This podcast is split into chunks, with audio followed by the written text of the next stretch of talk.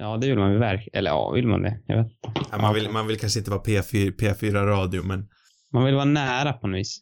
P, P3, P4. P3,5. P3 och en halv. Ja, ja. Ja. Absolut. Kanske inte riktigt så flummiga som P3, men kanske inte riktigt så, så seriösa som P4 heller. Nej, nå- någonstans precis där i mellanlandet. Mm. Just det, ska jag spela in den här gången också? Ja, vi prövar. Men spela in du också för att Ja, det kan ja. vara... Jo, men jag måste ju det.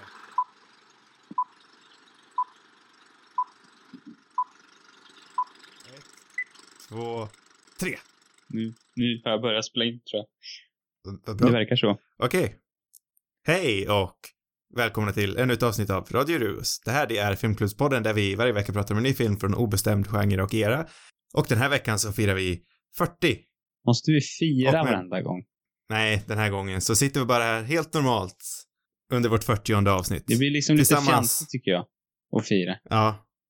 Äh, Fira, fira är bara losers. Mm. Med mig har jag som vanligt Sam.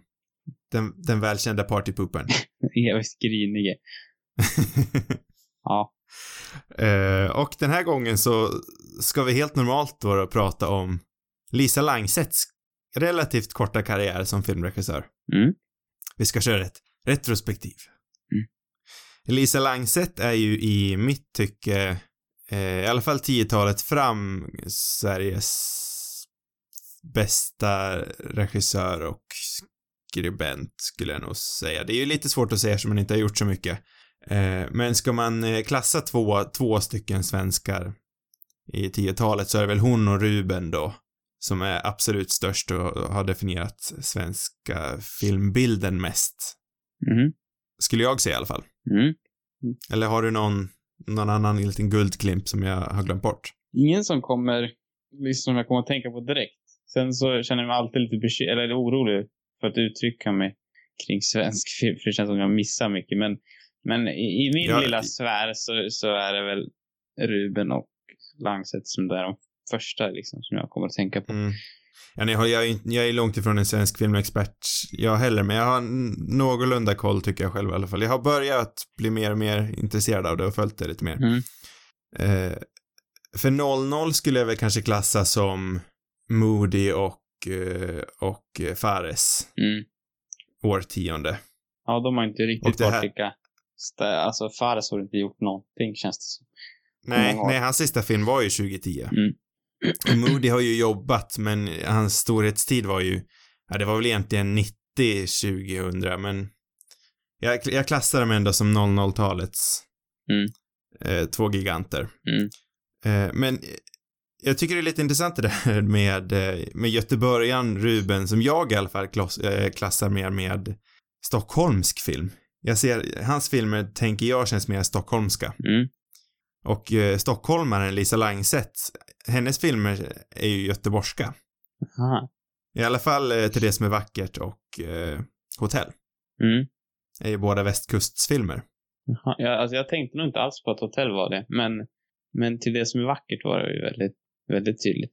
Mm, Jag är, jag är relativt säker på att eh, Hotell är gö- göteborgska i alla fall. Ja, det stämmer säkert. Det är ju bara... Eller i alla fall i området. Mm. Eh, jag tycker bara det är lite intressant att hon, att stockholmaren då eh, drar sig med till västkusten. För västkustfilmer känns det inte som att vi ser så där hemskt mycket. Nej, nej, visst gör vi inte I det. alla fall Göteborgsfilmer. Det är mycket Stockholmsfilmer. Mm. Eller ja, jag vet inte. Ja, det är mycket ja lite eller, allt eller möjligt. liksom landsbygdsfilmer i alla fall. Det är Stockholmsfilmer eller landsbygdsfilmer vi verkligen gör i Sverige. Mm. Eh, Men just Göteborg känns inte så fångat på den vita duken. Nej, det kan nog stämma. Och det är det jag tycker är lite spännande med Lisa Langset. Nu hör inte jag Tycker vad jag du fall. säger. Nej. Nej, nu är du Hörs- kanske hörs jag nu? tillbaka. Det har varit något konstigt ljud där. Ja. Eh, Nej, men det är det jag tycker är lite spännande med Lisa Langset, att hon fångar just Göteborg. Mm. När inte så många andra gör det. Eh, filmerna vi ska prata om då, hon har ju bara gjort tre stycken, det är Till det som är vackert, Hotell och den eh, allra senaste Euphoria. Mm. Två svensktalande och en engelsktalande. Så hon har ju tagit det steget som, ja, Östlund gjorde lite grann då med The Square, men det var ju ändå mest, ja, svenska fast det var en dansk huvudkaraktär. Den kändes väl... Jag vet inte vad det var mest då, men det var en blandning i alla fall. Ja, en väldigt inter, en internationell film. Den, men den är ju ändå, den är ju Sverigebaserad i alla fall. Så, Det är den. eh, Men ja, den, för det, särskilt den då, nu snackar vi mycket om Östlund här, men den känns ju väldigt stockholmig. Överklass stockholmig. mm. Ja. Eh, men Langsets filmer känns ju, jag vet inte, vad tycker du? Vad, nu när du har sett alla Lisa Langsets filmer, vad tycker du om henne? Min åsikt generellt menar du? Ja. Mm. Eh, ja, jag tycker om, jag tyckte om hennes filmer. Jag har ju pinsamt nog inte sett en enda tidigare. Men det kanske gör det mer intressant också. Att, eh, att jag är färskingen och du är lite mera, jag vet inte hur, hur många, om du har sett dem flera gånger och sådär. Ja, Hotell har jag sett ett flertal gånger. Till det som är vackert har jag sett en gång innan. Euphoria hade jag faktiskt inte sett alls. Nej.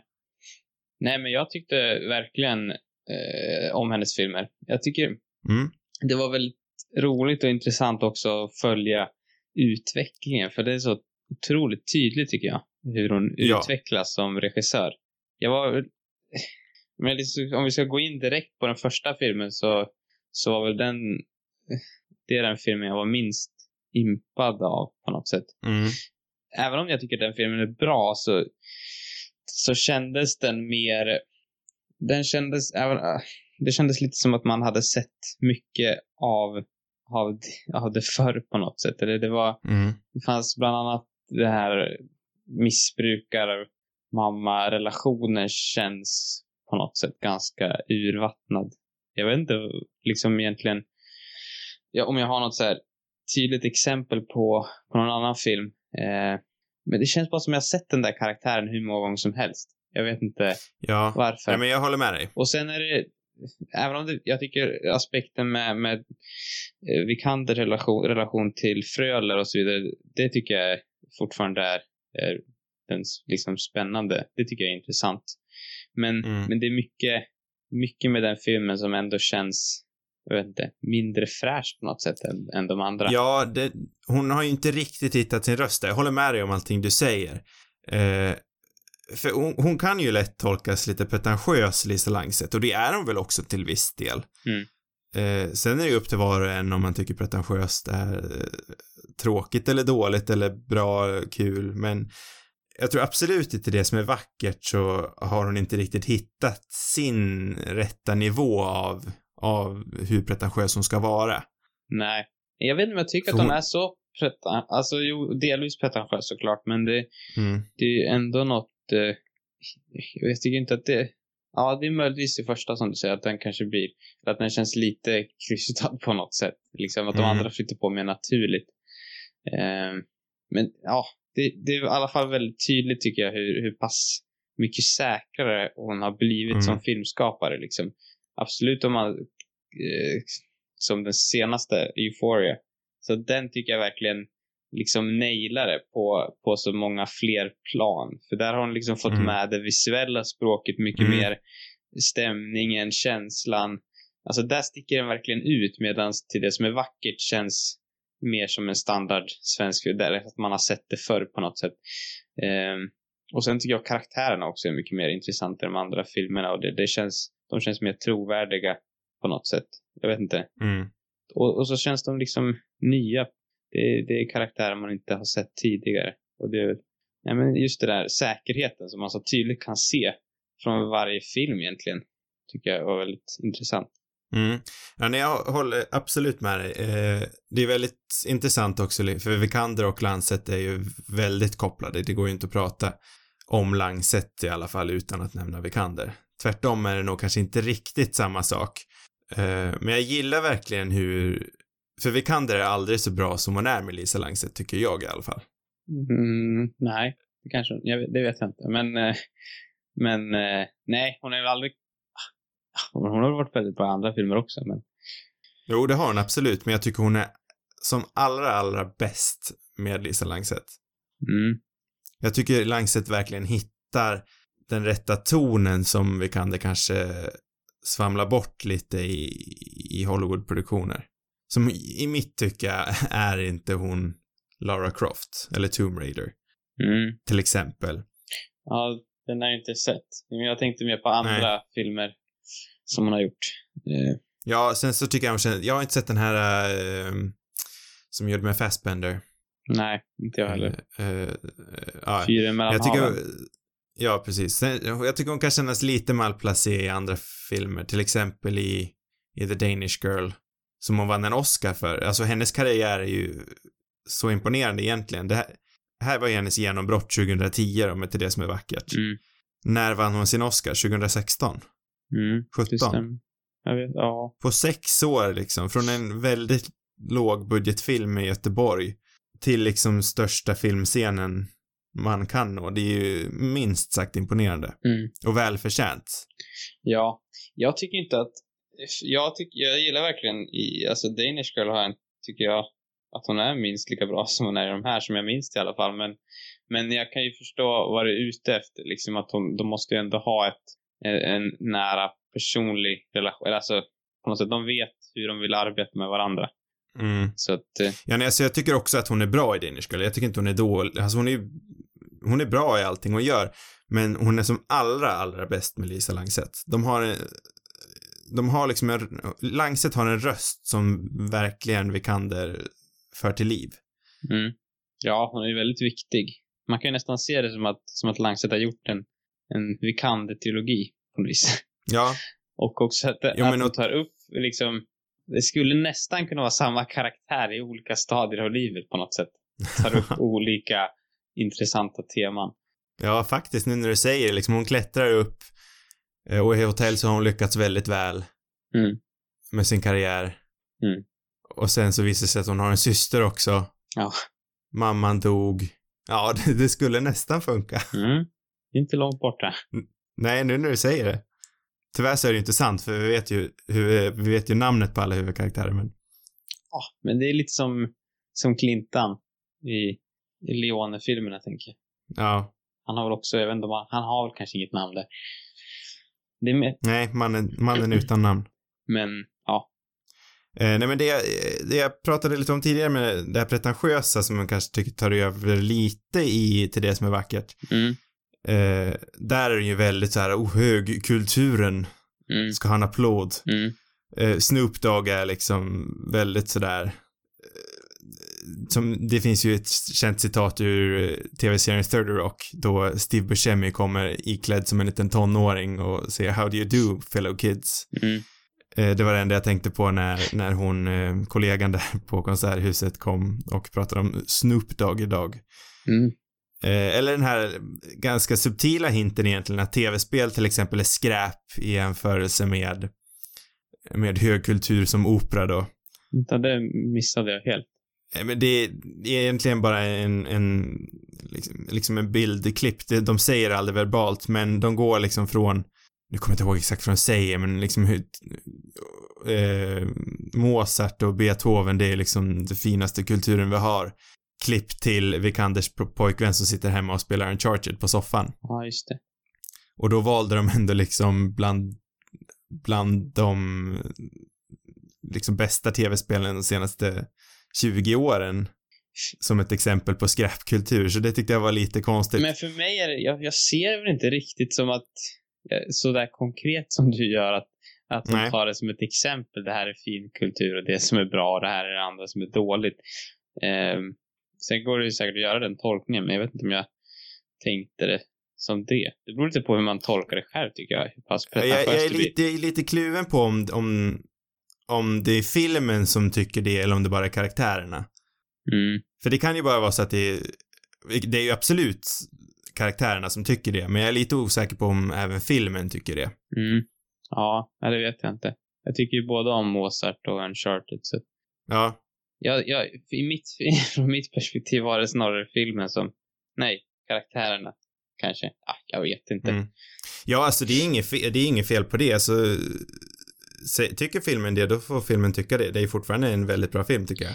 Ja, jag tycker Så jag alltså, klankar- det jag- pretentiösa som man är så, snarare skulle vilja se, det är väl att, jag, vet- jag vet inte vad det är som är, jag har nog inte ens tänkt på det som pretentiöst, men det, jag tänker snarare kanske att det är väldigt allvarliga ämnen på något sätt. Mm. Alltså, typ till exempel den här öppnings, ja den absoluta öppningsscenen då vi kan kolla lite så här spånande ut i intet och har någon slags monolog. Ja. Det kan ju, det kan tolkas väldigt pretentiöst. Mm. Jag, jag har som sagt kanske, ja, i den filmen är väl kanske den jag har mest emot men det är ingenting jag stör mig på direkt heller.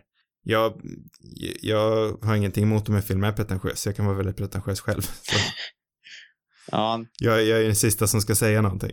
jag tyckte ju att den var för opretentiös. Mm, Nej. jag förstår det. Nej, nej men det var ingenting jag, det var ingenting jag egentligen har tänkt på överhuvudtaget om jag ska Nej. Men, ja.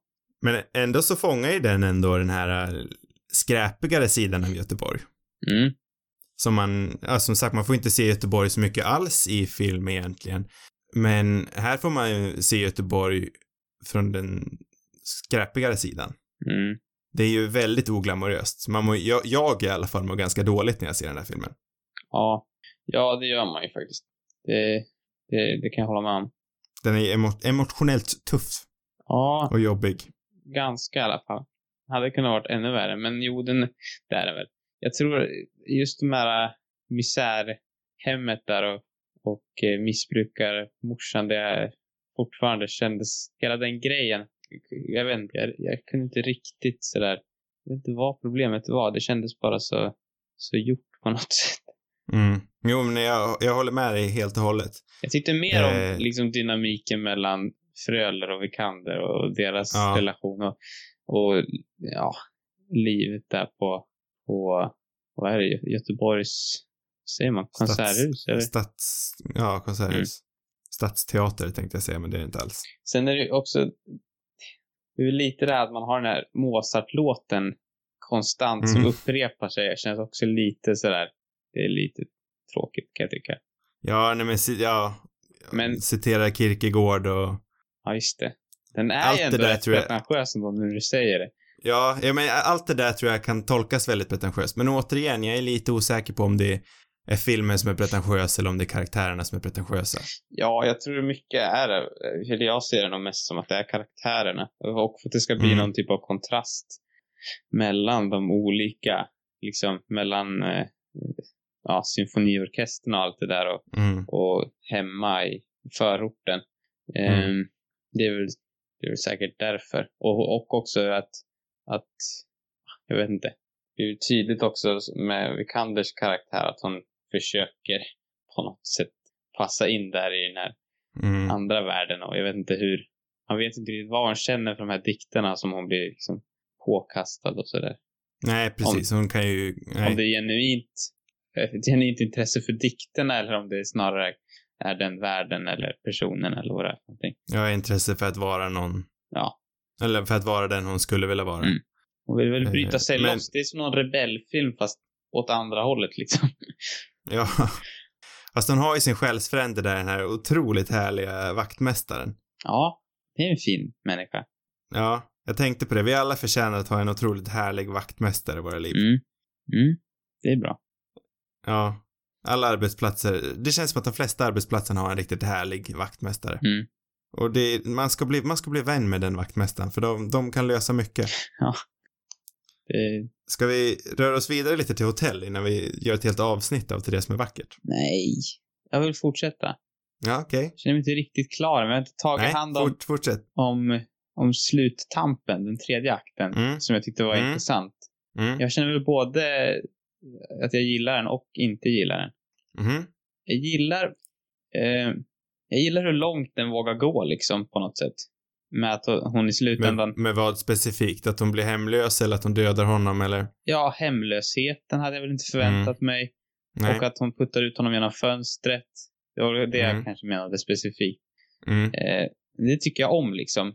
Och att de drar till sin spets. Jag gillar också Mm. den här scenen när hon dansar. Den känns på något sätt som en Langset-scen. Alltså att, att hon Mm, verkligen mm. tycker om att så här, utsätta sina, sina karaktärer för väldigt eh, ja, men, föroläm- eller vad heter det, förödmjukande saker. Liksom. För det tycker jag att man kan se Mm. spår av i de senare filmerna också. Ehm, Ja, och att hon verkligen låter det liksom gå fullt ut. Hon är, hon är, hon är en väldigt modig filmskapare tycker ja, jag. men hon bromsar inte utan det går all in liksom. exakt. Det enda jag kunde känna som var lite tråkigt var väl att hur Fröler mer och mer vart en skurk på något sätt. Jag tyckte nästan Mm. mest om till en början när han var liksom lite mera ja, jag vet inte, dynamisk eller att det fanns både, jag vet inte, man inte visste riktigt om han var ond eller god. Eller han kändes mer mänsklig på något sätt.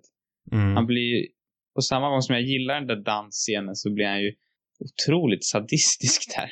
Mm. Eh, Ja, nej, jag köper inte riktigt heller den vändningen.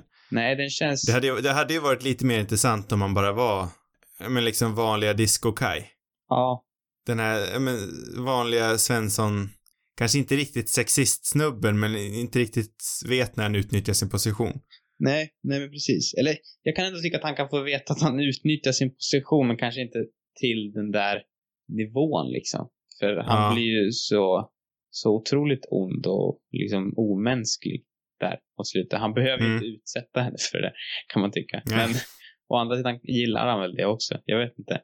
Det är på något, något sätt, jag har för mig att det fanns en liknande scen, hotell, där jag tyckte att det gick, nu kan jag inte komma ihåg vilken det var, men när, jag, när man ser på något sätt vad, vilken scen hon vill nå för att, eh, jag menar, just idén om den här scenen när, när Vikander dansar och han är liksom sådär übertaskig. Mm. Hon hade säkert den scenen i sitt huvud liksom att det här vill jag göra men sen tycker jag inte riktigt att, att det funkar liksom vägen dit eller hur de tar det. Det blir liksom för stort hopp nästan. Men jag kan inte komma på vad det var hotell för någonting. Men det, det var någon scen som kändes, det blir liksom lite krystat nästan eller att det ska liksom, ja, jag vet inte. Mm, nej, jag kan inte heller riktigt. Om det är någonting där i slutet då med eh, när han, eh, eh, brudgummen, typ börjar skrika på hon, ja, det är sak samma. Ja, du menar hon, är den, äldst, den äldre kvinnan i Ja. sällskapet. Ja, Ja, det kan, ja, på sätt och vis. Det kändes ganska, om jag ska hoppa till det så kändes det lite onödigt, tyckte jag. Den mm, delen. Jag förstod inte Mm. riktigt vad den gjorde för, för nytta egentligen. Jag förstod inte riktigt vad som, ja, jo, det är klart man kan vara driven av att vilja förstöra sådär liksom och bli provocerad på något sätt, men det, den ser, att det kändes lite där överflödigt att komma från ingenstans. Liksom. mm.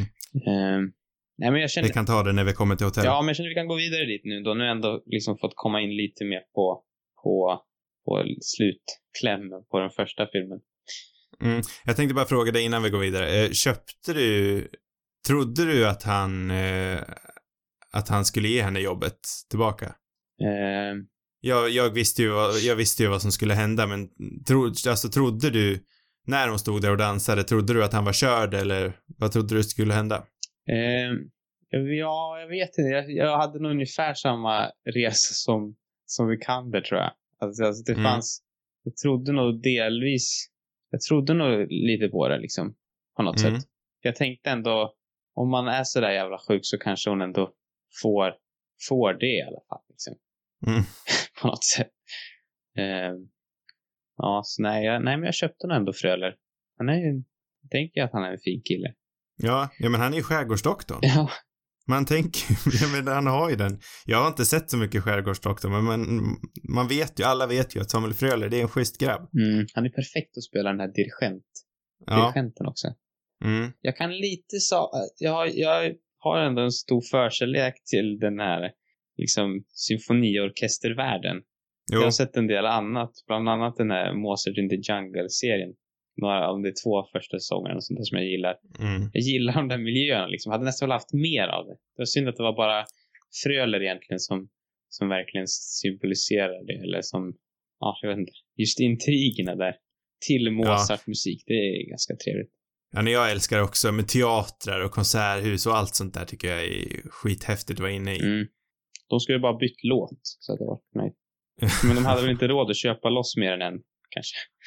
Fast kostar Mozart? Nej, det var, jag, Låta faktiskt så någonting. såg jag i eftertexten att, att eh, det var Göteborgs symfoniorkester som hade spelat in Ja. ett antal Mozart-dängor till filmen. Så, att, så att det, det är väl symfoniorkester man får betala. Ja, precis. Ja. Och det var ju nog inte, alltså jag tror inte det var en billig plats att filma på.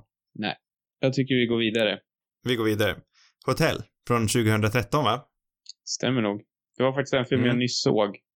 Det vart en ordning. Jag hade tänkt att se dem i rätt ordning, men sen så hade jag en timme över på tåget igår och det gick inte att ladda ner via TriArt. Ja, Så ja. då, då vart det helt enkelt Euphoria emellan där. Ja, ja, när jag såg Hotell för några veckor sedan faktiskt. Mm. Hotell, Euphoria till det som är vackert såg jag. Då hade du också Så- konstig ordning. Ja, jag hade mycket Du hade konstig ordning. motsatt min ordning. Ja. Mm. Eh, jag eh, tycker ju att Hotell är hennes bästa film. Jag tycker den är fullständigt klockren. Mm. Det är utan tvekan nästan en av de bästa svenska filmerna Mm. från 00-talet. Mm. Vad tyckte du om Hotell? Jag tyckte också den var riktigt bra. Jag tycker att det är hennes mest stilsäkra film. Där har hon verkligen hittat sin e- egna röst. Jag är fel. Alltså jag, jag tycker nog mest, jag vet inte. Jag kanske är mer underhållen på något sätt i, i hotell. Men Mm. som helhet jag, tyckte jag nästan Euphoria var den bästa, tror jag. Mm. För det där tycker jag på något sätt att hon, den känns så komplett. Sen kanske jag skulle uppleva den, det beror lite på hur man, den skulle kunna upplevas som tråkig kan jag tänka mig. Men jag tyckte inte att den var tråkig när jag såg den. Men eh, hade jag sett den en annan gång kanske jag hade gjort det, det vet jag inte. Men Euphoria. ja, Mm. eh, men, ja jag vet jag tycker den är eh, liksom hur den är uppbyggd på det där liksom mystiska sättet och det är inte egentligen bara det där att det är mystiskt hur de ska ta sig, eller vart de är på väg någonstans utan snarare mystiken kring att avslöja deras relation på något vis tycker jag verkligen Mm. om. Eh, Mm. och jag tycker de karaktärerna är väl de som känns absolut mest trovärdiga på något sätt och som har en, som hade liksom den mest intressanta, jag vet inte, resan. Ja, den skiljer ju sig för att det är ju nästan som du säger, det är ju en mysteriefilm på sätt och vis. Ja, jag tycker också stäm, alltså jag tycker hon har lyckats så otroligt bra med, med fotot och, Mm. och platsen och, och alla skådespelarna på något sätt. Alltså att, att verkligen förmedla den där mysterie, lite kusliga känslan. Jag tycker att, ja men just det där kusliga, det, jag vet inte vad det är som gör det egentligen, men, men det är mycket foto tror jag med, med allt det här gröna och lummiga och näckrosor och Ja. små detaljer. Men änd- ändå så är otroligt avslappnande och nästan lite för, Ja. för lugna miljön. Ja, det är som någon, liksom, det är som att blanda yoga med något jävligt obehagligt. Lite grann. ja. Ja, men nu tycker jag vi ska, vi tar hotell först. Nu Ja, vi, vi tar med kronologisk ordning. Eh, vad skulle jag säga? Jag kan, alltså jag kan definitivt se varför du tycker mest om den och att säkert många andra också tycker mest om den. För att det, Mm. den har, den har också en väldigt liksom eh, speciell handling. Mm. Eh, och också väldigt intressanta karaktärer tycker jag. Eh, och Ja, alltså jag ska vara ärlig och säga, jag tyckte faktiskt inte om Hotell alls första gången jag såg den. nej, Eh, vad hände sen? det, det, det var nog mycket för att det inte var det jag hade förväntat mig. Nej, nej, man får faktiskt en annan idé. Jag kommer ihåg att jag, jag har ju sett trailern till den eh, när den kom ut, gissar jag. Och, och det var inte alls den film jag trodde att det skulle vara. Jag tänkte att det skulle vara lite mer definierad av den här scenen när de försöker dra isär den sick. Att det skulle vara liksom mer komedi och... Ja, Svart men det var precis humor, det jag typ. trodde jag med. Eh, finns Men det är ju tack vare trailern. Ja, helt klart. Eh, men jag tycker det är mycket liksom tack vare humorn också som den funkar så otroligt väl som den gör. Mm, mm, verkligen. Eh, för det är ju, alltså Euphoria har väl några skämt i sig men den är, det är ju långt ifrån en rolig film och det är ju, till det som är vackert är inte heller en rolig film. Nej. Men Hotell är liksom en djupt dramatisk film men ändå rolig. Mm, Den är ju vemodig men ändå hoppfull. mm, Eh, jag skrev en ganska lång recensionssamling här för ett tag sedan. Mm. Om svenska filmer och då skrev jag om den. Eh, för jag tycker den känns liksom som ett svar på hela svenska, hela den här svenska landsbilden som vi har utifrån att, eh, om det svenska vemodet. ja. Eh, svensk kultur är ju väldigt kopplat till vemod och mycket av det, mycket av det är ju tack vare Bergman. Mm, Eh, som också kunde vara otroligt rolig, men de flesta av hans filmer är ju kopplade till vemodet. Mm.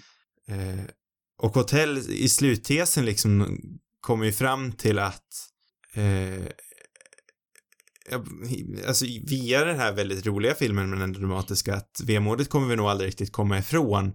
Det gäller liksom att bara acceptera att det finns där, ta taxin hem till sitt barn och man och liksom ändå, ändå ha liksom vemodet i bagaget men det går att leva med ändå. Mm.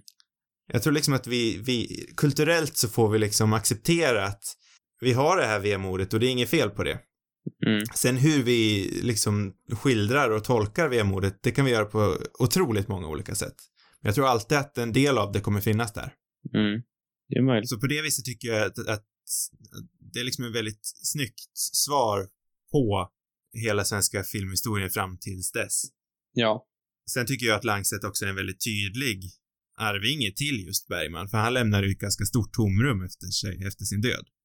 Vi, vi har liksom inte riktigt hittat den där eh, personen som personifierar svensk film efter det. Nej. Och Langset är väl inte riktigt där än, det, det skulle jag inte hävda, men jag tycker absolut att hon, hon, hon har ju liksom de här väldigt tunga existentiella frågorna, Mm. eh, men hanterar dem både relativt likt men också på ett helt annat sätt. Ur ett helt annat perspektiv. Ja, jag har inte så mycket koppling till Bergman eftersom jag inte har sett nästan någonting. Men eh, ja, jag tycker det som, är, som gör alla hennes filmer intressanta är ju att de tar upp väldigt intressanta ämnen, eller allvarliga, men, men ja, som är intressanta att fundera på. Och, eh, och som kanske också är saker man inte så gärna pratar om. Eller så. Nej. Ja, men det är väldigt modiga ämnen hon tar upp. Ja. Liksom tar, tar upp en mamma som inte vill älska sitt eget barn eller vill acceptera sitt eget barn. Mm. Eller, eller assisterad, eh, assisterat självmord. Det är ju väldigt tuffa ämnen att prata om. Mm. Ja, och väldigt intressanta att se. Mm. Jag tycker, eh, ja framförallt hotell tycker jag, just alltså det känns som det, just den karaktären är ju en väldigt intressant karaktär just på grund av att, ja, och eh, med det här att inte acceptera sitt barn och, och den här depressionen eller vad man ska kalla det. Mm. Också ett, menar ett problem som, som finns i samhället och med, jag vet, jag kan ingenting om, om, om det liksom, men, men det, man har ju hört att det ändå finns en hel del som, som lider av det efter man har fått barn liksom. Eh, Ja. och, eh, men jag tror inte att det är så många som pratar om det. För att det är ju Nej. väldigt skamligt på något sätt. Absolut Ja, som utomstående och i, kanske som i, till exempel om man tänker fadern i det här fallet. Att, Mm. eh, ja, för alla överhuvudtaget liksom. Det, kan tänka mig att man får en del, hel del sneda liksom, blickar om man, man lider av det här. Jag, vet inte. Det på något sätt. Ja, men det är ju ingen man inte förstår. Man förstår ju allas argument just där liksom. Alltså jag förstår ju att det är för jävligt tufft för Vikander, för Vikanders karaktär. Det var ju ingenting hon förväntade sig. Nej. Eh, men eh, ja, man, man förstår ju absolut pappan också. De kan ju inte bara lämna barnet liksom. Och de kommer ju älska barnet minst lika mycket ändå. Ja, men det är just det här Nej, men- sjukliga tillståndet liksom. Och, Mm. som är så, så intressant. Och också att, att, eh, att eh, alltså skapa en, en karaktär som, som man som publik ändå sympatiserar så pass mycket med och förstår och sådär. Eh, även fast det är någonting som är så krångligt eller komplicerat. Ja. Eh, men också sen att de, det som att det inte räckte med det väldigt tuffa dilemmat så har de ju även alla andra i gruppen som också har väldigt tunga dilemman. Mm. Så de kanske inte riktigt går in på lika djupt. Mm. Eh, Nej, men det är ändå, det är ändå liksom, de behöver inte göra det tycker jag. nej, och ändå pratar ju de nästan mer om sina dilemman än vad vi kan göra egentligen. Det, hon säger ju inte speciellt mycket egentligen. Nej. Eh, det, det är också Men en för väldigt- mig är det, Ja. Det är ju den tuffaste rollen hon har. Och jag tycker hon, hon, Vikander är som allra bäst i hotell. Mm. Förlåt, vad skulle du säga för någonting? Nej, men jag tycker just den här mixen av, av, av de olika personerna också, vad de har för, för problem eller vad de mår dåligt över är, är också så bra egentligen. Eh, För att det, de är ju, de är ju alla olika på något sätt, även fast de alla samlas. Eh, Jag tycker, jag tycker liksom om när de avslöjar att han, kommer inte jag gå vad han heter för någonting, han den skäggiga, Ja, jag frågar mig inte, men jag vet vilken ja, med familj och, och barn och sådär liksom Mm. som också egentligen har en koppling till Vikanders karaktär som ingen annan vet någonting om. Liksom, som, ja, man som utomstående har en bild av att leva ett ganska bra liv. Liksom. Mm. Det men framförallt honom då som egentligen inte har någon sån här tydlig grej varför han mår dåligt. Han har inte varit mobbad och, och allt det där. Eller ja, han har, han har jobb och familj och sådär. Men det, jag tycker det, jag gillar liksom hur hon ändå tar upp olika. Alltså att hon på något sätt ser, ser eh, att det finns, att man kan må dåligt av så många olika anledningar. Och det är liksom inte Ja. att man ser inte ner på, på filmen ser inte ner på honom bara för att han inte har liksom, tillräckligt, man ska säga. Jag tycker, Ja, nej, men klart som fan att man kan vara dåligt ändå. Och karaktärerna tycker ju att det är fel av honom till en början, men till slut accepterar de ju även det. Ja, och jag tror inte, eller Vikander vet väl inte heller riktigt hon kan väl inte, eftersom det är ett sjukligt tillstånd egentligen hon är i, så, så vet Mm. väl inte hon heller riktigt varför det är som det är. Liksom. Eller hon vet ju Nej, verkligen inte alltså- varför. Eh, Nu ger jag mig ut på farligt territorium för jag vet ingenting om det, men förlossningsdepression, är det någonting sånt hon hamnar i, eller? ja, det får man väl anta. Ja, Eller jag vet inte, det var det jag trodde att det handlade om. ja. Jag tror det Alltså, står jag det i beskrivningen till och med. Ja, jag tar för, jag tar för givet att det är förlossningsdepression. Ja. Eh, nej men det är, det är ja, som, alltså det är som sagt otroligt starkt att hon tar upp sånt. Mm. Eh, och sen, för det är ju egentligen kanske den enklaste filmen också i och med att det, den utspelas, det är ju, den, den utspelas i rum. Mm. Och så släpper de lös de här eh, sex, sju karaktärerna och bara låter dem interagera med varandra. Mm. Ja. Och ifrån det liksom får så himla mycket, ja, allt ifrån roliga till väldigt dramatiska scener. Mm. Eh, hur uttalar man hans namn? Den, Denchik? Den sick. Denchik. Ja, jag, ah, jag vet inte. Eh, jag tycker han är fullkomligt underbar i den här filmen. Ja, jag älskar verkligen den faktiskt. Jag tycker han är, han är det är något magiskt över honom. Jag har inte, jag, det känns som att jag skulle vilja se fler filmer med honom. Jag har nog inte sett så många, men när han väl dyker upp blir man ju, inte, han har, han har någonting. Ja, jag har sett, jag har ju inte sett många filmer med honom, men eh, den här Män och höns har jag sett han, där är han väldigt rolig i. Mhm. Eh, det är en dansk film med Mads Mikkelsen. Otroligt konstig film, men väldigt rolig. Mm. Eh, sen var jag med den här eh, nästan fantastiskt dåliga filmen Snömannen. Mm. Eh, hade han också en väldigt liten roll i. Där var han väl ganska anspråkslös egentligen. Mm. Eh, den visade ju långt ifrån hans fulla kapacitet som skådis. Mm. Eh, men ändå, alltså han spelar en, en, ganska lagomt creepy karaktär. Mm. Så han har ju absolut en, en vid range av vad han kan göra. Ja, jag, den enda jag kommer på nu är den här Tinker Tailor Soldier Spy. Ja, just det. Jag glömmer alltid att är med i den. Ja, min favoritscen där från trailern när han står i någon flyghangar och skriker. Ja, just det. Ja, det stämmer. Den är bra. Ja, han är, han är fantastisk. Men han är också en sån här. Han är ju en karaktärsskådespelare definierad. Mm. Han har ju det här perfekta karaktärs karaktärsskådespelarutseendet egentligen. Han kan smälta, i, smälta in i vilken roll som helst. Mm. Han ser ju egentligen ganska alldaglig ut. Ja. Och det gör ju liksom att han kan hoppa in i vilken stollig eller läskig karaktär som helst. Definitivt. Jag tycker de andra gör också väldigt, väldigt bra. Det är en Gud, ja, verkligen. väldigt bra ensemble och för mig, jag tror inte jag känner igen någon annan än den Sicko Vikander. Vad jag vet. Nej, jag gör inte heller det. Jag tycker jag känner igen hon den här, hon som sjunger. Ja, just det. Jag tycker jag känner igen hennes röst, för, bara för att den är så distinkt, men jag kan inte säga vart ifrån. Måste ju dock, jag tycker att hon är otroligt bra i filmen och sådär, men den här låten i början där och i slutet på eftertexten, Mm. det, det gör lite ont tycker jag. I mina smöron. Eh, Alltså det gör ju lite ont, men jag tycker ändå den är så... Den är lite cool ändå. Nej, jag tycker att det är ett rent helvete. Ja. Jag, var, ja nej, jag, jag förstår absolut att man tycker det. jag ville verkligen få uttrycka mitt då. hat till den också när jag, när jag hörde den i början där. Och, men nu så skäms jag lite för det.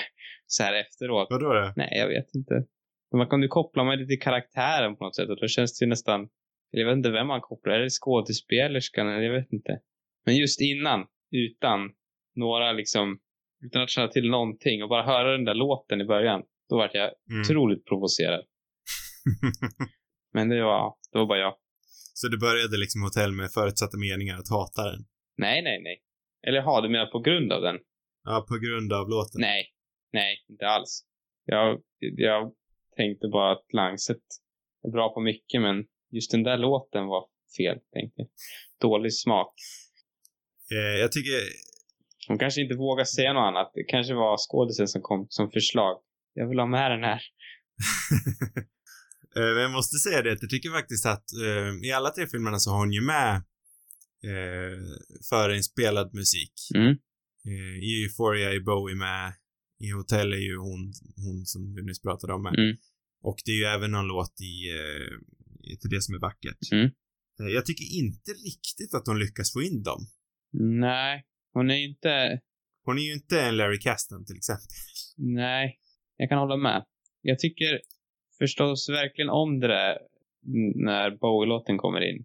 Ja, alltså Rock'n'Roll Suicide är ju, om inte min favorit Bowie-låt, åtminstone en av Ja, dem. men jag gillar också den scenen verkligen. Jag tycker den scenen är väldigt bra. Så där, ja men där, där gillar jag det faktiskt. Men Ja, det är den som funkar bäst, men det är ändå inte riktigt sådär klockrent. nej, nej, jag kan, Det är någonting som inte riktigt smälter. jag kan jag förstår vad du menar för någonting. Det är så, nästan lite störigt. Man hade velat flyttat lite på låten och mixat lite annat med ljudet där och så. Att det, Mm, ja, men visst är den lite... Den låter inte som att den kommer från miljön. kanske inte har någon känsla för det där. Nej. Det är lite dålig timing på något sätt. Ja. Den kommer också in där i slutet. Ja, precis. Ja. Eh, men det kan vi, det, det kan vi komma till sen. Mm. Eh, då, eh, jag måste också säga det att rent visuellt Mm. eh, så har hon ju en helt annan, både i den här och Euphoria så har hon ju fångat en helt annan eh, sida liksom. Det är mycket mer eh, stilrena klassiska skandinaviska designen. Det, det har väl du kanske lite bättre koll på, men det är så jag tolkar det. I alla fall i hotell. Mm. Så den känns i alla fall mycket mer krisp rent visuellt. Jag gillar verkligen hur den ser ut. Ja, men det, Kall, kän- men ändå varm på känns väl vis. också, tycker jag, väldigt tydligt att det är en, att det är en mycket mer påkostad produktion liksom. Mm. Det, det, Hon fångar ju en helt annan sida av, av svenska samhället också. jo, men jag tycker inte det handlar så mycket om det. Det är mer att det är ett, det är liksom bättre ljussättning, det är dyrare foto. Mm. Alltså, det, allt känns bara högre kvalitet på något sätt. Mm. Men samtidigt, när jag, jag är som sagt totalt ovetande gällande design, men när jag tänker så här, skandinavisk design, då är det ändå typ någonting som det vi ser i hotell jag ser framför mig. Mm. Jo, det är väl mycket de här hotellinteriörerna du tänker på kanske. Mm. Ja, Jo, men och även Vikanders hem känns väldigt så med och, mm, just det. Ja, jo, det kanske har med rekvisitan också att göra, jag vet inte. Men jag, men det är som du säger också, man ser en tydlig utveckling i det visuella ja, från film till film. Mm. Eh, Jag tyckte det var väldigt intressant att se eh, på Josef Fares när vi gjorde hans retrospektiv. Där var det en mer markant skillnad från film till film. mm, Eh, jag tror jag är lite mer blind för hoppen Langset gör faktiskt. mm. Men du får gärna berätta vad det är för någonting du ser mellan varenda film. Ja, så nu nu menar du i stora hela? Ja, liksom hur hon har utvecklats. Det kan vara visuellt eller i allmänhet. Ja, men jag tror jag sa lite grann i början där, men alltså för mig är det väl att hon, ja men det är mycket visuellt tror jag. Att eh, Mm. den första, hon har ju liksom en bakgrund inom teatern och sådär och den första är ju väldigt, nu menar inte jag att det är ett bedrövligt foto eller någonting i den, men alltså det, det är ingenting som sticker ut egentligen. Det är ingenting som jag tycker Nej. stärker filmen på något sätt. Fotot eller eh, ljussättningen och Det så var några vidare. klipp som stack ut för mig. Ja, det, alltså, det finns scener tycker jag som ser, alltså, inte visuellt bra ut eller vad man ska säga, men, men det är ingenting som man, det är inget som sticker ut tycker jag. Om man sen Nej. jämför den med, eh, ja, hotell, den har väl inte kanske, jag vet inte om jag tycker att, att det visuella språket i den, eller fotot, liksom stärker filmen så mycket. Alltså spelar en så Mm. viktig roll. Den, där är det kanske mer bara att det ser, alltså det ser bättre ut. Alltså det känns mer påkostat. Det var framförallt i Euphoria jag tyckte att man såg en stor skillnad hur hon liksom, ja men nyttjar det visuella mediet mer. Att hon liksom kan Mm. använda fotot som en viktig historieberättare också. För att, för att Ja. det är väldigt mycket av fotot som berättar en historia och som skapar den här, käns- den här obehagskänslan. Ehm, Ja men precis, det är ju inte bara att det är liksom pråliga omgivningar, det är väldigt snyggt som inramat och det är kamerarörelsen och allting. Jag håller med dig, hon ja, det är ju också liksom där. förebådande. Det är grejer. Jag tycker väldigt mycket om den här portalen, den här runda som de går in igenom. När de kommer till den här Vi platsen. kan hoppa över till Euphoria nu på en gång. Ja, eh, nej men jag gillar verkligen den portalen.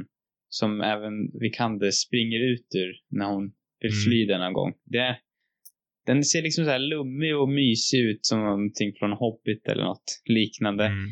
På samma gång som den är en obehaglig dörr också, att det är någonting instängt.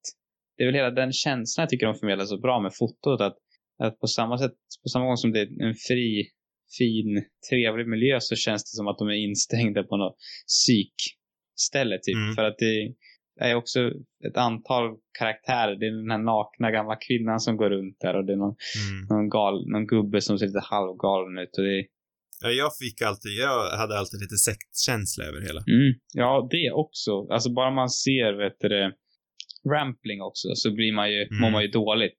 För att hon är Mm. för mig så starkt kopplad till, till obehagliga karaktärer. Jag tror nästan bara Mm. sett henne spela liksom otrevliga människor. Jag satt och hade någon, någon, eh, eh, någon djup teori om att eh, Ramplings karaktär kan man ju absolut säga är döden personifierad egentligen. Mm.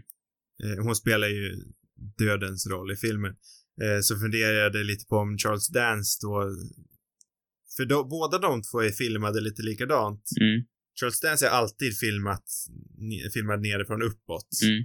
För att liksom visa någon slags dominans. Eh, Jag funderade på om han skulle personifiera det livet då på något vis. Mm, ja, så kanske Om-. Om Rampling är döden och Dance är livet. Eh, Jag fick inte riktigt ihop det där att Dance är livet. Men att Rampling personifierar döden tycker jag är onekligt. Ja. Eh, särskilt i slutet, när det slutar med att det slutar ju med att Vikander liksom ändå accepterar döden. Mm. Och rent visuellt så slutar den ju om att hon, hon omfamnar Charlotte Rampling då, så hon omfamnar döden och accepterar den. Mm. Eh, Det kan man ju inte förneka. Tycker jag i alla fall. Nej. Men jag fick inte riktigt, jag fick inte riktigt ihop min djupa teori om att dance är livet, men Mm. jag försökte. Du försökte, det är tillräckligt. Nej, men jag tycker att eh, också att det är någonting med, med Eva Green och Rampling. De- De är nästan, de är lik varandra på något sätt. Mm, det har jag också skrivit. Det, det måste vara någonting i det.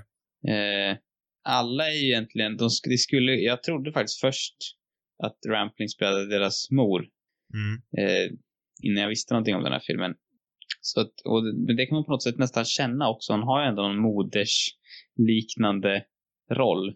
Ja, jag, tror att det är meningen att de ska vara lite så. Ja. Men sen tycker jag också med, med Eva Green att hon har, hon är också otroligt viktig för den här filmen. För hon är också på något sätt lite av en fiende. Jag Mm. ser ju väldigt mycket ur, ur Vikanders ögon. Även om det kan skifta lite vem man ser som, men det är väl, jag tänker ändå att det är hon som är huvudkaraktären på något vis. Eh, och hon är, eftersom man inte vet så mycket om Greens karaktär så, så blir hon ju sådär mystisk eh, och lite obehaglig också. Det är någonting med det där sköra och att hon blir sådär arg också. Och jag vet inte. Att man inte, precis som Vikander inte fattar riktigt vad det är som pågår så förstår man inte riktigt själv vad det är som, som pågår. Jag tycker, tycker just den dynamiken är så otroligt just spännande. Mm. Ehm, så det, det gillar jag verkligen. Sen så måste Ja. vi, eller ja, fortsätt gärna. Jag tänkte byta lite.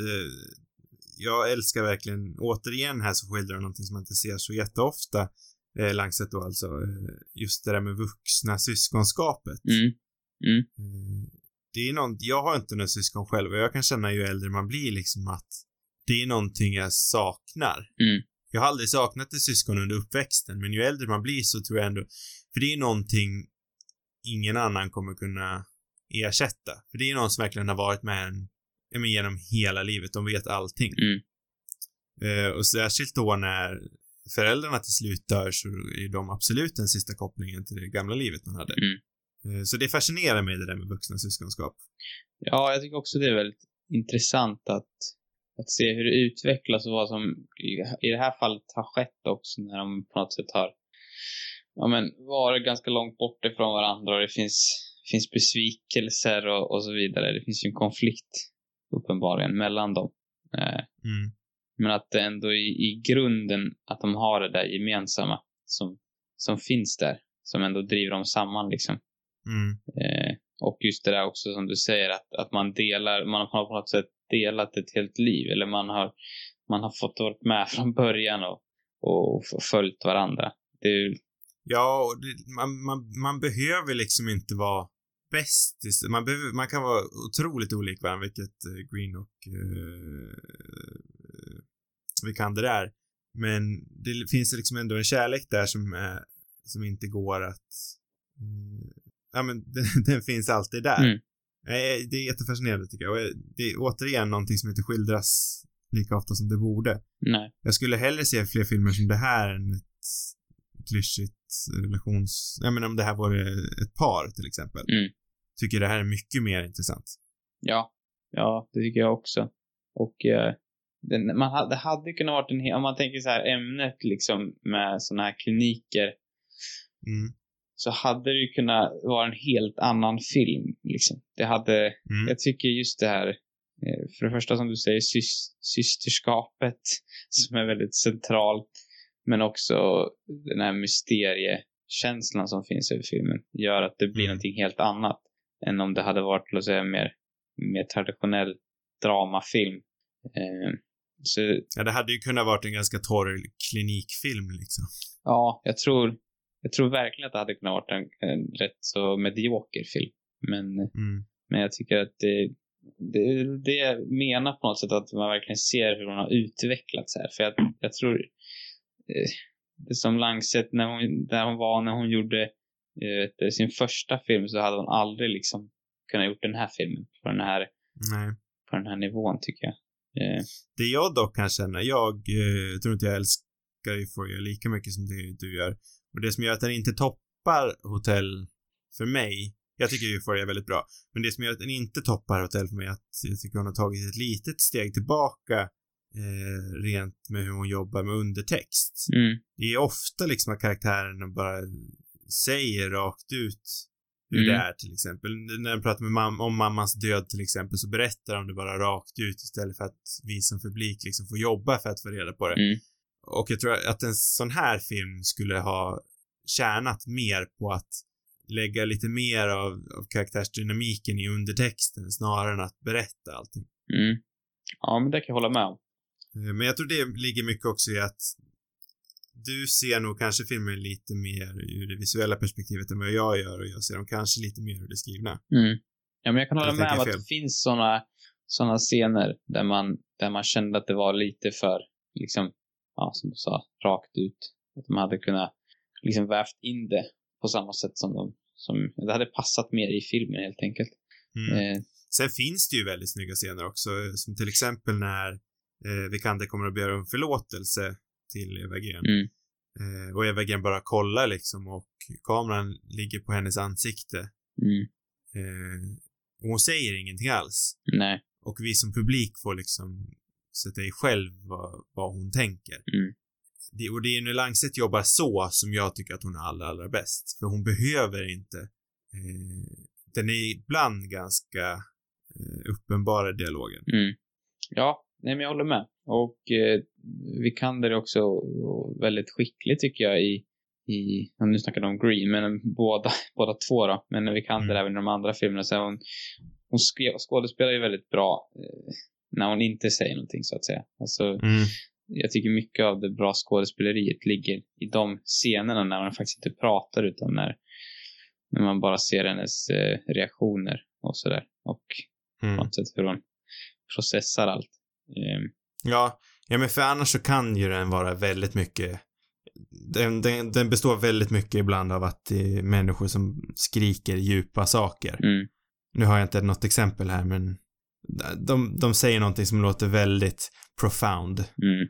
Och så förväntas det liksom slå en i magen som en, mm. ja, som en någonting. Men det, det går inte riktigt, riktigt fram för mig i alla fall. Nej, ja, jag vet inte. Det, men sen finns det ju klockrena scener, alltså den slutar ju otroligt. Mm. Tycker jag.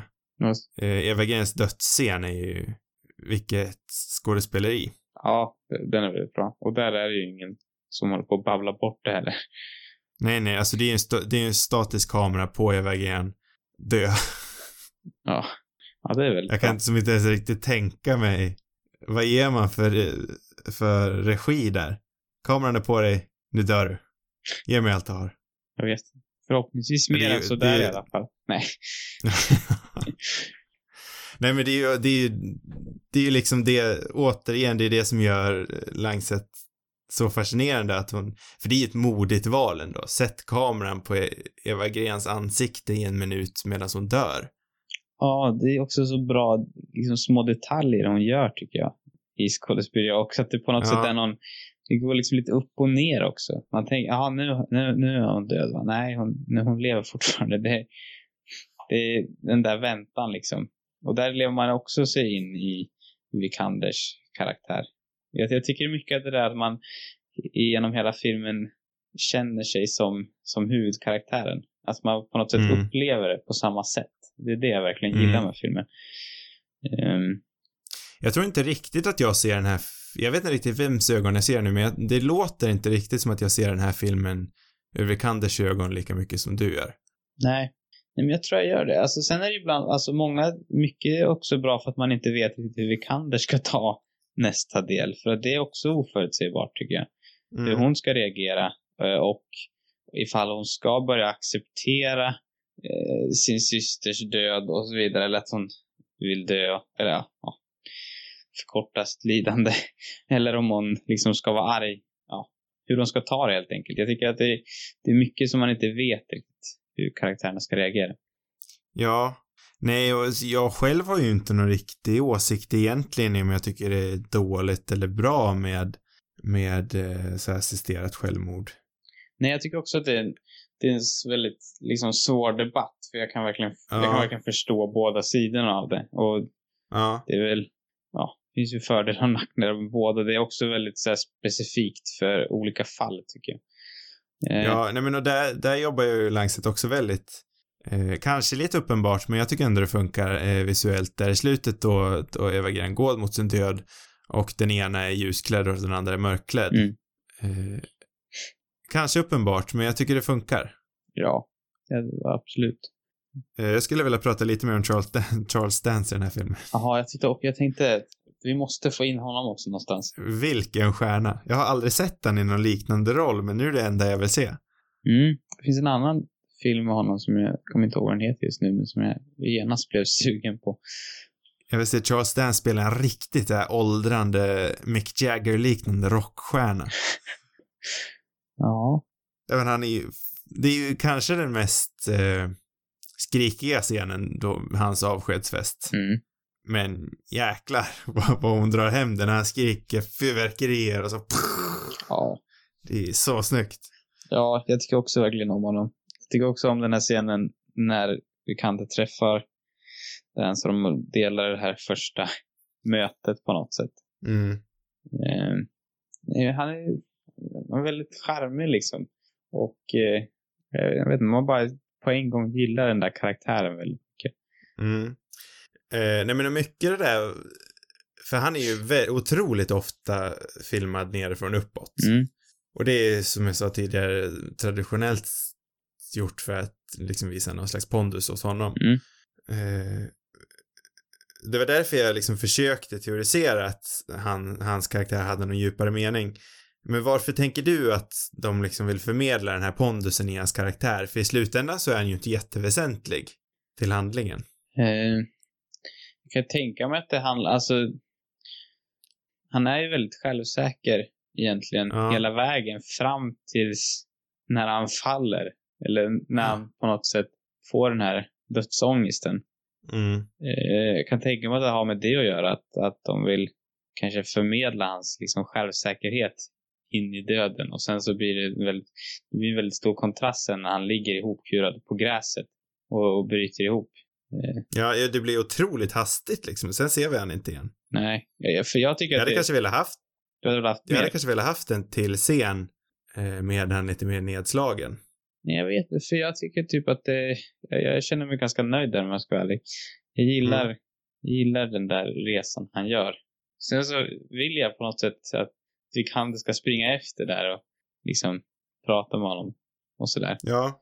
Men Nej, jag tycker att det är en väldigt, jag tycker det är en viktig del att visa, visar ju också hur olika karaktärer tar sig an, an det på något vis. Mm. Också med han, han skäggiga i, i rullstolen där som den här gamla fotbollsspelaren som till slut Mm. egentligen tack vare Greens karaktär förmodligen bestämmer sig för att åka hem istället. Ångrar Mm. sig. Ja. Eh, så den visar liksom olika personer eh, och det tycker jag om. Eh, tycker du att jag uppfattar filmen fel när jag i slutet ändå tolkar det som att eh, död inte behöver vara bra, att eller att död inte behöver vara dåligt, så att det finns något ganska fint i döden. Mm. Eller vad, säger du? Om jag, om jag Om, tycker du att jag tolkar filmen fel om jag, jag tänker att filmen tänker så? eh, Det finns väl inget fel i en tolkning, men hur tolkar du det om vi säger så? ehm, För jag ser ju lite som att Vikander har lärt sig att omfamna döden. Efter, ja, där när hon kramar Rampling också. Mm. Omfamna död. Jag vet inte. Alltså, hon har, jag vet inte om jag, så här, omfamna döden vet jag inte om jag tänker att hon har. Men det kan vara mycket jag som tar in mina egna erfarenheter, för jag har aldrig riktigt sett död som, jag har haft död i mitt liv sedan väldigt tidig ålder, så det är säkert därför jag är ganska avtrubbad till det. Mm. Eh, jag har aldrig riktigt sett det som något sådär jättehemskt.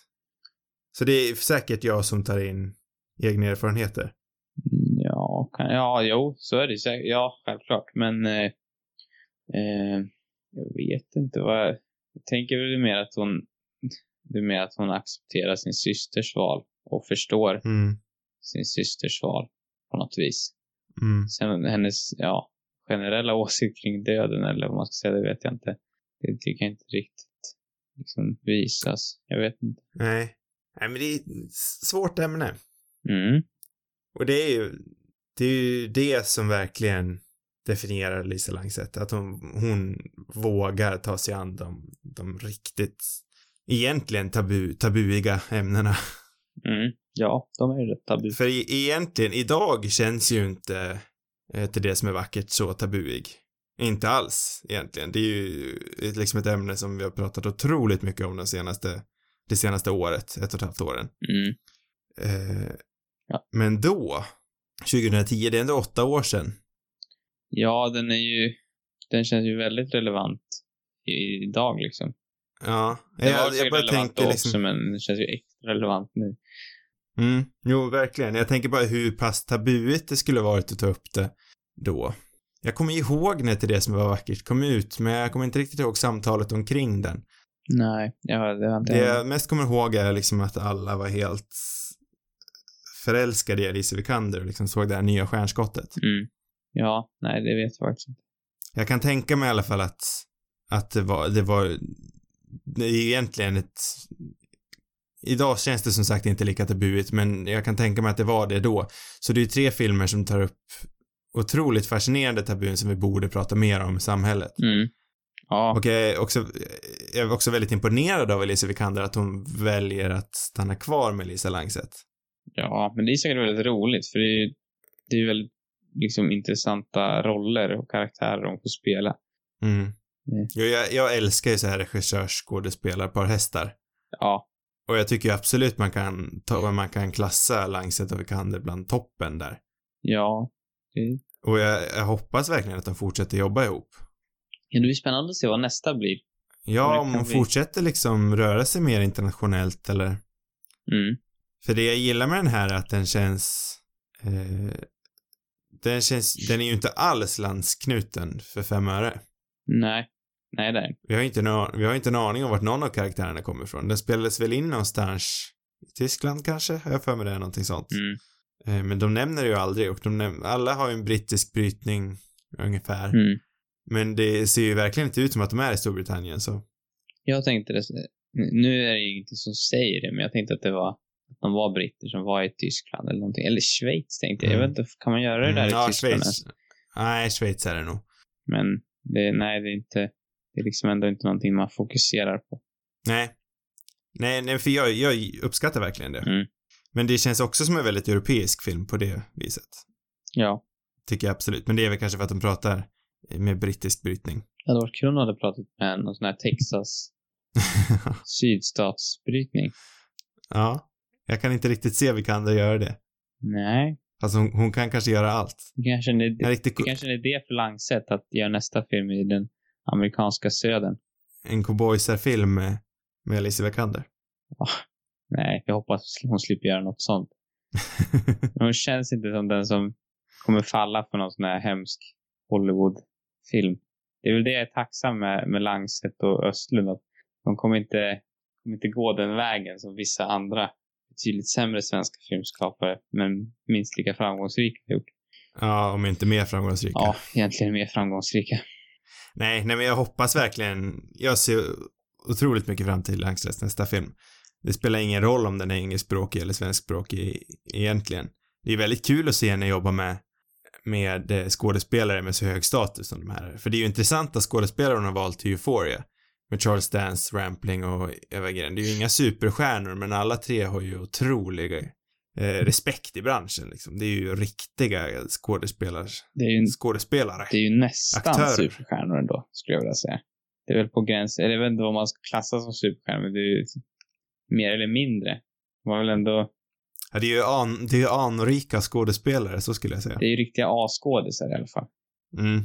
Jag för att hon de pratade om i sitt sommarprat, som jag faktiskt har lyssnat på. Jag har Mm. inte sett någon enda film tidigare, men jag har lyssnat på hennes sommarprat. Eh, vilket för övrigt också var ganska intressant tyckte jag. Men där, Ja, jag tänkte lyssna på det igen till den här podden, men det blev inte av. där diskuterar de väl också hur det gick till när de, mm, jag vet det, castade Rampling. Mm. Om jag inte Jag minns fel. pratade om Dance också. Ja, det kanske de gjorde. Mm, jag har för mig det. Just de två är ju legender ändå. Och det är kul att se Dance i något annat än, än typ Game of Thrones som är det enda jag liksom kommer att tänka på just nu. Även om det känns som att han har gjort en del andra filmer lite, jag vet inte. Alltså, han, han är ju väldigt bra på att spela den här stränga eh, patriarken. Ja, Och han fastnar ju ofta lite i det. men jag gillar rockstjärnedans mer. Ja, jag med. Jag kommer inte Det är kanske det som blir Langses nästa film. Ja, det vore lite intressant att se henne ta en... Även om det är kul med det här samarbetet mellan Vikander och, och eh, Lance så skulle det vara intressant att se liksom en... Att hon gjorde något helt annorlunda liksom. Mm. Jo, absolut. För det finns väl en, en risk om att det kanske blir... Att hon fastnar på något sätt. Jag vet inte. Mm. Och det kanske tar slut på allvarliga, bra ämnen. Vem vet? Nej, det gör det inte. Men, men du, jag tror du förstår vad jag menar för någonting. ja, jag förstår vad du menar. Hon är, jag, tycker, jag tror ändå att det är... Om man säger så här, just med drama och sådär så tycker jag att hon gör ett väldigt bra sätt i alla fall. Mm. För att det är lätt att man, att man gör bara en klassisk liksom, dramafilm. Jag tycker inte att hennes filmer är det. Jag tycker de är någonting mer. Mm. Jag skulle vilja se henne göra någonting med, ja, men med lite mer komedisk flär igen, just, just eftersom jag tycker hon sätter den där dramadi eh, så otroligt väl i hotell. Mm. Ja, jo men det vore... Eh, hon kan ju köra varannan film kanske. Ja. Ja, fast det, jag, egentligen är jag där till vad hon än gör. Jag tycker verkligen att hon, hon är ingen, hon har ju guldbaggar och sånt där, men hon är ingen vi pratar nog om. Nej, jag vet inte vad det beror på. Hon kanske är för pretentiös helt enkelt. Jag vet inte. Jag tror inte att hennes jag senaste film var så väl mottagen heller tyvärr. Var det inte det? Nej, jag vet inte. Nej, jag tror faktiskt inte det. Det var Nej. rätt svalt kring den. Jaha. Vilket jag tycker är lite konstigt och lite synd. Ja. Eh, Ja, nej, alltså, det är ju, som sagt så är det inte min favorit, men jag tycker den är riktigt bra. Alltså, det är ju en stabil film. mm. Jag tyckte den var verkligen var intressant. Eh, jag vet inte varför. Det var nog inte den jag förväntade mig att jag skulle tycka bäst om. Sen kanske om jag ska Nej. se en film igen kanske ändå skulle bli Hotell. Jag vet inte. För att den, är, den har så många roliga, spännande karaktärer tycker jag och en hel del bra scener. Mm. Ja, nej, det är utan tvekan min favorit. jag älskade den där scenen när, hon, när Vikander tappade där. I, i det, när de har liksom av någon outgrundlig anledning badat den där pojken och målat på den sick och liksom, ja, men det är ju sån obehagskänsla. Man vet ju bara att någonting kommer hända. ja. Men jag gillar, jag gillar när hon liksom tappar det. När hon blir slagen, slagen där på kinden av, av den här mamman. Hon liksom vänder sig om och ger henne den bästa stirrningen någonsin typ. Och sen bara liksom hur avslutas allt med att de går rätt ut genom fönstret där. då skrattade jag högt för mig själv och det hände inte så ofta. Jag vet inte ens om det var meningen att man skulle skratta högt, men jag tyckte det var så otroligt kul att de bara gick rakt genom fönstret eller dörren eller vad det var för någonting. Ja, nej, jag tror inte att jag var så sadistisk Sam, så jag skrattade, men... Jag gillade hon gick liksom, det var ju där vändpunkten kom. Det var det som behövdes. Mm. Det be- behövdes ju att hon gick rakt genom en dörr. Ja, det gjorde du absolut. Jag skrattade med, med henne av glädje. Ja, att hon det förstår jag. vart av med, att hon gick vidare på något vis. Mm. Och att hon fuckade med det här trångsynta paret med massa förutfattade meningar. Ja. Eller hur? Ja, alltså egentligen, egentligen, jag förstår att det är konstigt, men vad fan. Det är jävligt Alltså- obehagligt att någon tar med ens barn upp till hotellrummet och sen sitter... Det, det konstiga, okej om jag säger så här, hade Densik inte varit avklädd, Ja, så hade det varit lite obehagligt ändå. Men det blir ju inte direkt bättre av det. nej. Nej, alltså det är absolut konstigt och i och för sig, hade de lämnat när de blev tillsagda att lämna så tror jag ju inte, då hade det ju inte varit en lika big deal som det vart. Nej. Nu känns det som att vi trampar lite vatten. Ska vi ta och avsluta? Mm. Ja. Det var allt för det här 40 avsnitt av, 40 avsnittet av Radio Rubus. Mm. Fler avsnitt hittar ni på cinemarubus.com. Vi ska prata om vilken film vi ska välja till nästa vecka också. Det var jag på väg att glömma. Glömma det igen. Ja. Det är din tur nästa vecka, va? Mm. Mm. Ja, det känns väl... Du har bestämt. Ja, faktiskt. Mer eller mindre, Ja. Ja. skulle jag vilja säga. Ja. Säg mig. Jag vill klippa den här korta tystnaden här. Ja. så att den upplevs som väldigt kort. ja jag, har, jag har spelat in i 1.40 nu, så jag kan väl klippa lite till. Kan klippa lite där? Kan du tänka dig det? Ja, det känns bra. ja, det är tur att jag är ledig imorgon. Mm. Nej, men jag har faktiskt valt. Eh, Jag tyckte det, nu, nu är det dags för en Hitchcock-film. Mm. Eh, det har jag tänkt länge. Jag har velat lite på vilken jag skulle välja. Men sen så kände jag att eh, nu tar jag en som jag inte har sett. Mm. Eh, The Man Who Knew Too Much. Tänk då vilken tur att jag av ren slump köpte eh, 14 Hitchcock-filmer igår. Nej, Jo. otroligt. Så jag hoppas bara att den där filmen var med i den boxen, men Är det samma box som jag har? nej, det här var, den var inte så snygga. Det var en, det var ju sån här liten Black Friday fast på Ah. måndag. Rea, så var det två boxar som hette Hitchcock 1 och 2. Jag kommer inte ihåg vilka det var med. Men sammanlagt så var det 14 filmer. Mm. Till ett otroligt bra pris. Oj, oj, oj. Kanske jag borde ha slagit till på. Fast jag har ju förstås den Ja. andra boxen. Ja, jag tror din box är snyggare än vad de här två var. Mm. Nej, men jag valde den Jag såg, i alla fall för att, för att jag, jag ville fortfarande att det skulle vara en, en med eh, James Stewart som är lite av min, min favorit kan man väl säga. mm, ja, Hitchcock är Och. Stewart, det är liksom den perfekta mys spänningsblandningen tycker jag. Det Mm. finns ingenting bättre. Nej, nej men det, det är en bra kombo. Mm. Så den blir det. Den blir det. Perfekt. Då behöver jag inte säga igen vart ni hittar avsnitt, men jag kan säga att har ni frågor och vill ha svar så kan ni skicka in det till cinemarubus.gmail.com. Mm. Gör det. Godnatt. God natt.